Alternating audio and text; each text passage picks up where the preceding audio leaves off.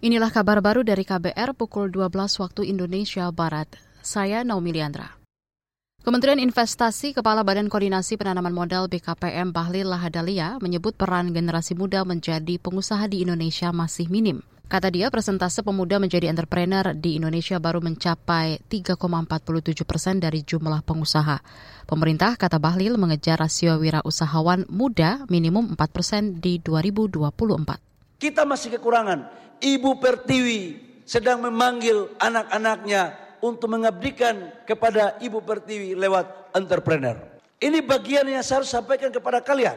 Menjadi pengusaha itu jangan berpikir susah. Jangan minder, terutama teman-teman dari daerah.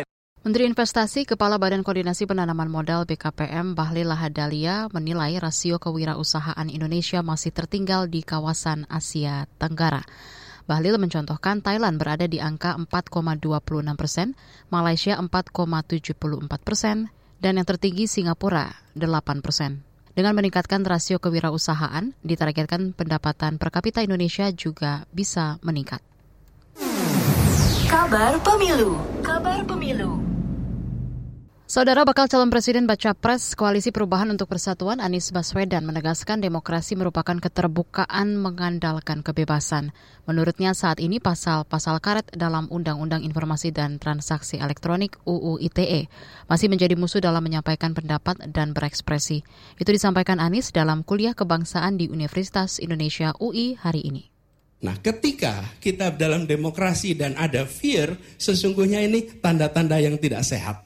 Karena itu harus dikembalikan. Kebebasan berbicara harus menjadi prioritas yang harus kita bereskan di dalam 24 tahun 24 ke depan.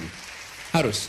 Jadi kalau ada ada pasal-pasal di dalam undang-undang yang mengganggu kebebasan berekspresi, sudah seharusnya itu direvisi dan harus bisa melindungi justru kebebasan berekspresi, bukan malah menghalangi kebebasan berekspresi. Baca Pres yang juga bekas Gubernur DKI Jakarta, Anies Baswedan, juga menyebut permasalahan dalam UU ITE. Sejumlah pasal-pasal dinilai malah menghalangi kebebasan berpendapat warga negara. Anies berjanji bakal membereskannya jika kelak menang dan terpilih dalam kontestasi Pilpres di 2024. Unjuk rasa menentang pembuangan limbah nuklir dari pembangkit listrik tenaga nuklir PLTN Fukushima Daiichi digelar di negara bagian Selangor, Malaysia. Melansir antara, warga Malaysia dari berbagai kelompok usia memegang berbagai poster menyatakan kekhawatiran mereka atas potensi pencemaran lingkungan yang berlangsung lama. Mereka juga mengecam tindakan Jepang yang dinilai tidak bertanggung jawab. Puluhan ribu tanda tangan dari seluruh penjuru Malaysia juga dikumpulkan pada spanduk besar yang dipajang di acara petisi massal tersebut. Demikian kabar baru dari KBR, saya Naomi Liandra.